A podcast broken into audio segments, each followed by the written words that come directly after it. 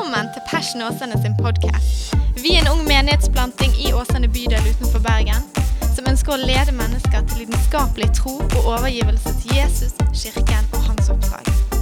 Takk for at du lytter til vår podkast, og vi håper du blir oppmuntret og utfordret i din etterfølgelse av Jesus.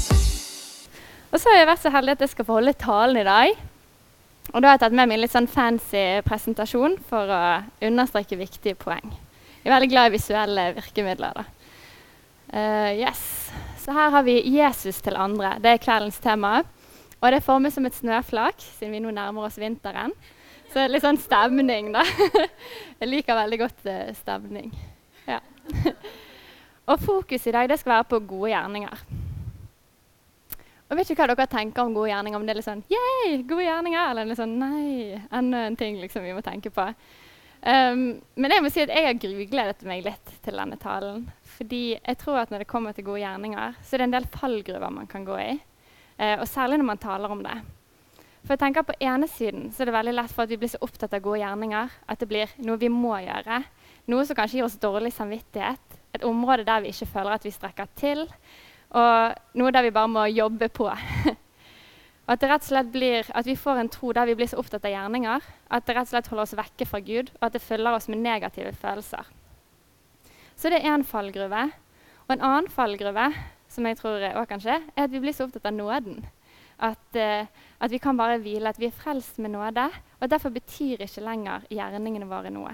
At vi trenger ikke lenger å strebe etter å være bedre, for vi er allerede frelst pga. Jesus. Uh, og det er mye godt i det, men det kan òg gi oss en sånn passivitet som kristne og som menighet. Så hvorfor, eller hva, uh, skal vi, eller hvordan skal vi forholde oss til gode gjerninger? Og For å svare på det så har jeg tatt fram to gode bibelvers i dag. Det første det er Feserne 2, 8-10. Så da kan dere gjerne slå opp hvis dere vil. Mm -hmm. ja. For av nåde er dere frelst ved troen, og det er ikke av dere selv, det er Guds gave, ikke av gjerninger, for at ikke noen skulle rose seg. For vi er Hans verk, skapt i Kristus Jesus til gode gjerninger, som Gud har gjort ferdige på forhånd, for at vi skulle vandre i dem. Og vet ikke om dere hører at Her blir gjerninger nevnt to ganger på litt ulike måter. Først så blir det nevnt at vi er frelst av nåde, og ikke pga. våre gjerninger. For at ikke vi skal rose oss av oss sjøl og være stolt liksom, av våre egne gjerninger. Men samtidig i neste vers så står det at vi er skapt til gode gjerninger som Gud ferd, altså har lagt ferdig på forhånd. Så selv om vi ikke er frelst av gode gjerninger, så skal det påvirke livene våre og hvordan vi lever. Uh, men hvor, hvorfor er gode gjerninger viktig? Og Det syns jeg Matteus 5, 16 svarer veldig bra på. Og det er I Matteus eh, kapittel 5 det er bergpreken, eller begynnelsen av bergpreken som Jesus holdt eh, for en stor menneskemengde der han tok opp eh, lover fra Gamle testamentet og forsterket de og forklarte hva de nå skal bety for oss når Jesus har kommet. Eh, og Konkret her så snakker han da litt om at de troende vi er salt og vi er lys. Og I vers 16 så står det på samme måte skal dere la lyset deres skinne for menneskene, slik at de kan se de gode gjerningene deres og ære deres far, Han som er i himmelen. Så de gode gjerningene det handler rett og slett om de andre. At ved å gjøre gode gjerninger, ved å prøve å være gode mennesker og medmennesker for menneskene rundt oss, eh, så skal vi vise litt av Gud til dem. Og Det syns jeg er veldig sterkt. Og det kan òg være litt sånn Oi, wow, her er det et ansvar. For nå har vi ansvar for å vise Gud gjennom våre gjerninger. Men husk at vi går med han, og han er i oss. At det ikke skal være en byrde, men at det skal vise litt om hvorfor det er viktig at vi lever annerledes og prøver å, å følge Gud. Og så sier Bibelen veldig mye om gode gjerninger. Og når jeg skulle forberede meg litt til talen, så var det masse i Gamle testamentet og i Nye testamentet der det står veldig mye. Men jeg valgte å trekke fram noen eksempler fra Jakobs brev. Rett og slett fordi der står det aller mest om gode gjerninger. Og litt sånn kort om Jakobs brev først, så er det kjent for å være det brevet fokusert på gode gjerninger. Og Jakob, Det var jo flere Jakober rundt Jesus sin tid, og mest sannsynlig sier det at dette var da halvbroren til Jesus. Jakob. Um, Og han var ikke noen sånn lærd, lærd mann som var veldig opptatt av det litterære språket og skrev veldig fint. Men han var veldig opptatt av at mennesker skulle leve rett. Så mest sannsynlig da på den tiden var det en menighet som ikke lenger var opptatt av gode gjerninger, men at de trengte råd på hvordan de kunne leve, sånn som Jesus en gang hadde befalt. Jeg uh, syns det er mange gode ord her. Så tenkte jeg bare plukket ut noen ting, rett og slett for at vi skal se litt om hva Bibelen sier om hvordan vi kan leve. Og Det første det er kapittel 1, vers 2-4. Og Det er litt sånn utypisk vers å trekke fram i forbindelse med gode gjerninger. Men jeg skal forklare litt hva jeg tenker. Først skal jeg lese det. Mine brødre, regn alt bare som glede når dere blir utsatt for forskjellige prøvelser. For dere vet at når troens ektehet blir prøvet, virker det tålmodighet. Men tålmodigheten må vise seg i moden gjerning, for at dere selv kan være modne og helstøpte og ikke stå tilbake i noe. Og Grunnen til at jeg tar dette opp nå, det er fordi det handler litt om hvordan vi skal leve. da. Og jeg tror Spesielt i dagens samfunn så har vi en litt sånn um, holdning til negative ting eller tøffe tider. til at nei, dette er noe som aldri burde skjedd oss, og, og med en gang vi møter noe tøft, så, så blir det sånn Ja, men hvorfor må vi gjennom dette her? Og og jeg er så enig i den tanken. da. Altså, Hvorfor må vi gå gjennom lidelse og tøffe tider? Men samtidig så blir vi oppmuntret her fordi det viser at det handler om å bygge en tålmodighet. Så òg når vi møter de andre, eller møter andre som har det i tøffe tider, så kan vi òg eh, prøve å på en måte løfte litt opp at, at det er ikke bare negativt med, med lidelse og motgang. Det kan òg bygge noe i oss, noe dypere enn det vi hadde erfart hvis ikke vi går gjennom tøffe stunder. Så det kan bygge tålmodighet som er et ord som kanskje blir av og til brukt, men som vi ikke alltid tror jeg forstår dybden av det. Det å bygge tålmodighet gjennom tøffe tider. Så ikke helt sånn gode gjerninger, men det viser en moden gjerning, som igjen henger sammen med en god gjerning. Og så Det neste jeg ville dele, det er kapittel 1, vers 22. Vær ordets gjørere og ikke bare hørere. Og Der så står det mye om, om at vi ikke bare skal lytte til Guds ord, men vi skal også prøve å få det ut i praksis. Og her ser jeg at egentlig Jakob forsterka det Jesus gjorde i bergpreken. For da tok først Jesus og fortalte mye om sånn skal dere leve. Og så hvis man leser de neste kapitlene, så står det hvordan Jesus levde. Eh, at han gikk rundt og helbredet syke, at han gikk rundt og viste kjærlighet. At han gikk rundt og, og, og, var på en helt annen måte enn mennesker for den tiden forventet av ham. Så først så fortalte han Guds ord, og så levde han det ut i praksis i de neste kapitlene. Og det forsterker Jakob her. Så det er veldig spennende. Og så er det 2.1. Ikke gjør forskjell på folk. Og egentlig hele kapittel 2 her handler om at vi ikke må gjøre forskjell på folk. Og der står det egentlig spesielt om rike og fattige vi videre. Eh, og at alle er like i Guds øyne. Men jeg tror at her òg er et område som vi kan strekke oss veldig på. For jeg tror vi er veldig lett for å gjøre forskjell på folk og egentlig se på folk ulikt ut ifra hvordan vi framtoner oss.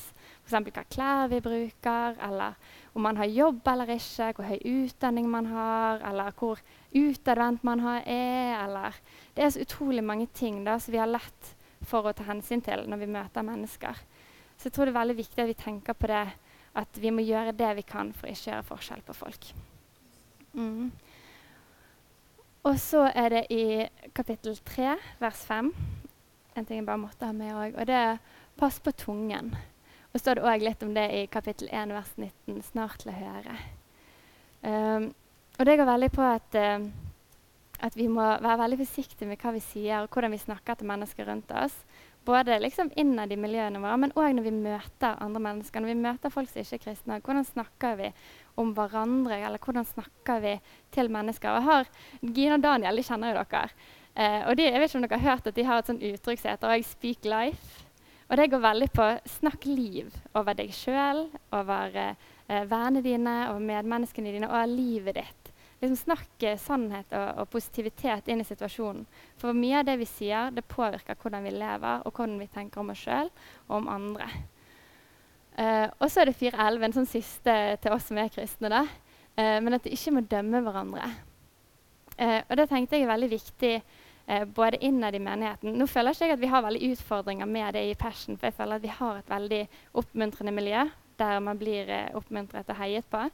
Men det er veldig viktig at vi husker på at når vi f.eks. går gjennom eh, tøffe situasjoner, eller, eh, eller, vi ikke er så nær Gud som vi skulle ønske, eller vi ikke lever akkurat sånn som vi hadde håpet og drømt om at vi skulle klare, at vi ikke da dømmer hverandre, men at vi, vi løfter hverandre opp. Og i andre eh, kirkesammenhenger. Altså hvordan vi tilber, f.eks. Her skal vi òg løfte hverandre opp og ikke dømme hverandre. Og så tenker dere kanskje ja, men hva har alt dette med gode gjerninger å gjøre? Jeg tenker Det er mye å si, for det handler om hvordan vi lever livene våre, hva verdier vi setter høyt i våre liv. Um, og, hvordan, og, det er så mye her på gode holdninger og gode verdier som vi kan ta med i, i hvordan vi lever og hvordan vi møter mennesker. Og så tenkte jeg òg Hva kan vi gjøre? Og Nå skal jeg gå over til en litt mer sånn praktisk tankegang eh, om hvordan vi faktisk kan leve ut med gode gjerninger i hverdagen. Og For å ha en liten overgang til det, så har jeg lyst til å ha med en litt sånn visjonær tale fra en av mine yndlingsfilmer. Og Den heter 'Pay It Forward'. Er det mange her som har sett den? Opp med en hånd. Ja.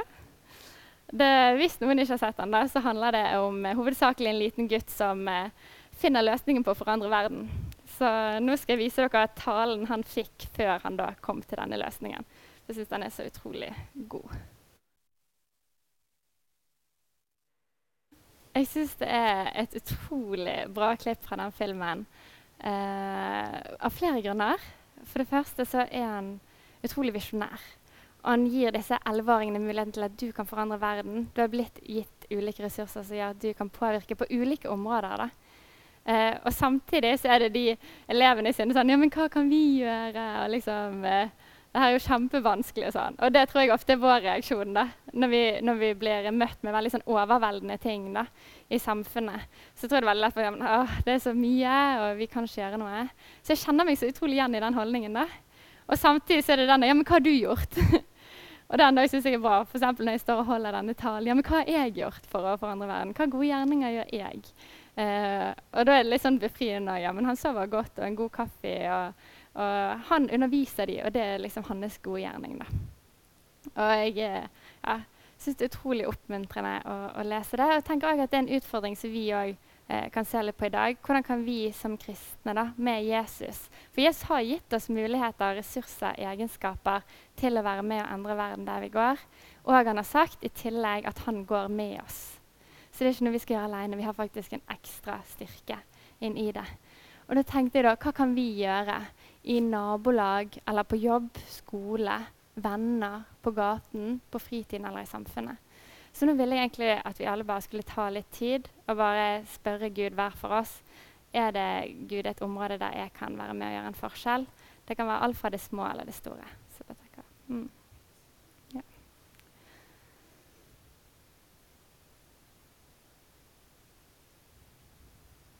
Mm. Bra sikkert noen syns det går litt for fort nå, men uh, dette oppfordrer dere til å kunne bruke tid, tid på hjemme. Det er sikkert mange som allerede gjør det. Og søker Gud i hverdagen. Hvordan kan jeg bety en forskjell innen mitt nærmiljø for de menneskene jeg har i mitt liv, eller i nabolaget? Men uh, jeg tror det er så viktig. Fordi at, uh, jeg tror også at Når vi søker Gud i det, så vil han gi oss en mye mer hjerte eller en lengsel for mennesker rundt oss. For det er utrolig vanskelig å prøve å forandre ting hvis man ikke har hjerte for det. Eh, og da tror jeg at Der handler det bare om å søke Gud og bruke tid. Og så vil han forandre hjertet. Han vil vise oss hvor vi kan bety en forskjell. Og jeg vet for meg sjøl er jeg veldig hjerte for si samfunnet. da. Men jeg er veldig samfunnsengasjert. Jeg syns det er utrolig spennende å se hvordan vi kan påvirke de store strukturene eh, i samfunnet. Og det er f.eks. én en bok jeg har lest nå som heter 'Framtidens tapere' utrolig trist tittel. Og han har fått mye kritikk for den òg, bl.a. av konen. Men det er Philip Rygg som har skrevet den her. Eh, og den handler om barna lever, de barna som lever i dag, som vil få utfordringer i framtiden pga. samfunnet. Er, han trekker bl.a. fram mindreårige asylsøkere. Han trekker fram eh, barn som har havnet i barnevernet. Han trekker fram eh, barn i fattige familier, eller rus. Eh, og det er så viktig, og Grunnen til at han tar dette opp, det er fordi at vi eh, kan nå være klar over utfordringene som vil møte oss enda mer i framtiden, sånn at vi òg kan være med å påvirke. Og Her tror jeg òg at vi som kristne kan gå inn og være med og påvirke på de store utfordringene. Eh, og Han òg er jo kristen og gjør òg det med et sånn type engasjement. Og jeg syns det er skikkelig kult. Så det blir da min overgang til forbilder. Um, og man trenger gode forbilder ofte for å kunne vite hva man kan gjøre. hvordan man kan gjøre det. En som er blitt veldig forbilde for meg, er en mann som heter Poncho. Som uh, var her nå uh, nettopp i Bergen for noen uker siden. Uh, og han er jo da en pastor i Mexico. Så jeg vil bare dele litt av hvordan de, hvordan de har med Gud i sin by og i sin hverdag. Så Poncho han er pastor i en by som heter Juárez, som ligger på grensen til USA. så det er en by som er veldig mye gjennomflyting av folk eh, som eh, har lyst til å komme over til USA, til det gode liv. Eh, og Samtidig så er det veldig mange store menigheter der, og mye bra menighetsarbeid. Men likevel så fant de ut at, at byen blir ikke preget av det de gjør. I 2010 så var Juárez den byen i verden med mest kriminalitet. Og det ble da målt ut ifra hvor mange innbyggere eh, som ble drept altså per innbygger. Da. Så de hadde mest drap i verden. Så det var jo en utrolig trist eh, skår eh, å eie. Det er ikke gøy å være best i alt, for å si sånn. Um, og det de fant ut, da, da søkte, de søkte Gud, og så sa de ja, men Gud, hvorfor er ikke denne byen bedre? Vi er så mange kristne, burde ikke det prege byen vår? Og det de fikk i svar, da, det var at ja, men alle menighetene hadde vært så opptatt med å bygge opp seg sjøl istedenfor å finne ut hvordan kunne de tjene samfunnet. Så istedenfor å tjene samfunnet, så prøvde de å bruke samfunnet til å bygge kirke. Men kirken er egentlig skapt for å tjene samfunnet med det vi har. Så mye har skjedd etter at de gikk sammen. Nå er det mange menigheter som går sammen. De, det ene tingene de gjorde, det var at de gikk opp på et fjell, og så sto de på fjellet og så sa de Juarez, you are no longer an orphan. Så de tok og adopterte byen og sa at du skal ikke lenger være foreldreløs. Nå skal vi som kristne være med og påvirke byen vår.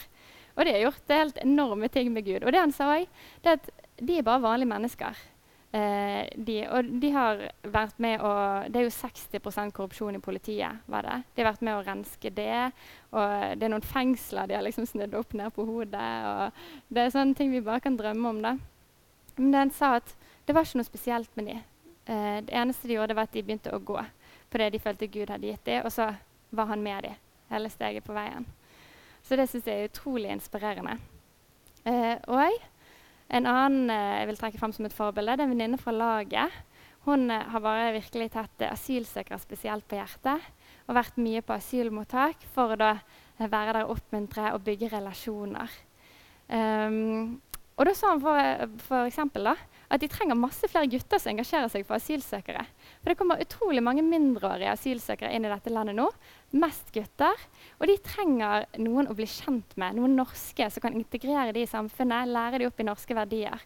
Og det er veldig lett for å si ja, men hva skal vi gjøre? Nå kommer det så mange innvandrere og mange unge gutter, og de har ikke de samme verdiene som oss. Lett for å gå rett i angrep og tenke vi må stenge grensene. Nei, her har vi en mulighet til å faktisk kunne påvirke dem, ta dem imot og integrere dem. Og eh, Nå blir jeg nesten litt politisk her, men, men, eh, men, det er ikke det som er meningen. Det er mer det hvordan kan vi eh, se de utfordringene vi ser i samfunnet, og være med og bidra inn i de.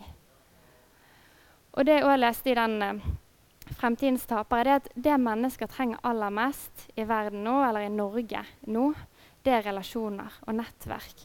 Man trenger ikke lenger materielle goder i samme, samme skala som før. Nå trenger man nettverk, noen som kan bry seg om dem, noen som virkelig tar dem inn i varmen. Så så kult hvis vi kan være en, en sånn menighet som kan gi folk nettverk og kontakter og vennskap. Ja. Og så tenkte jeg at som kristne så er ikke vi bedre enn andre. Men vi bør prøve å være en bedre versjon av oss sjøl.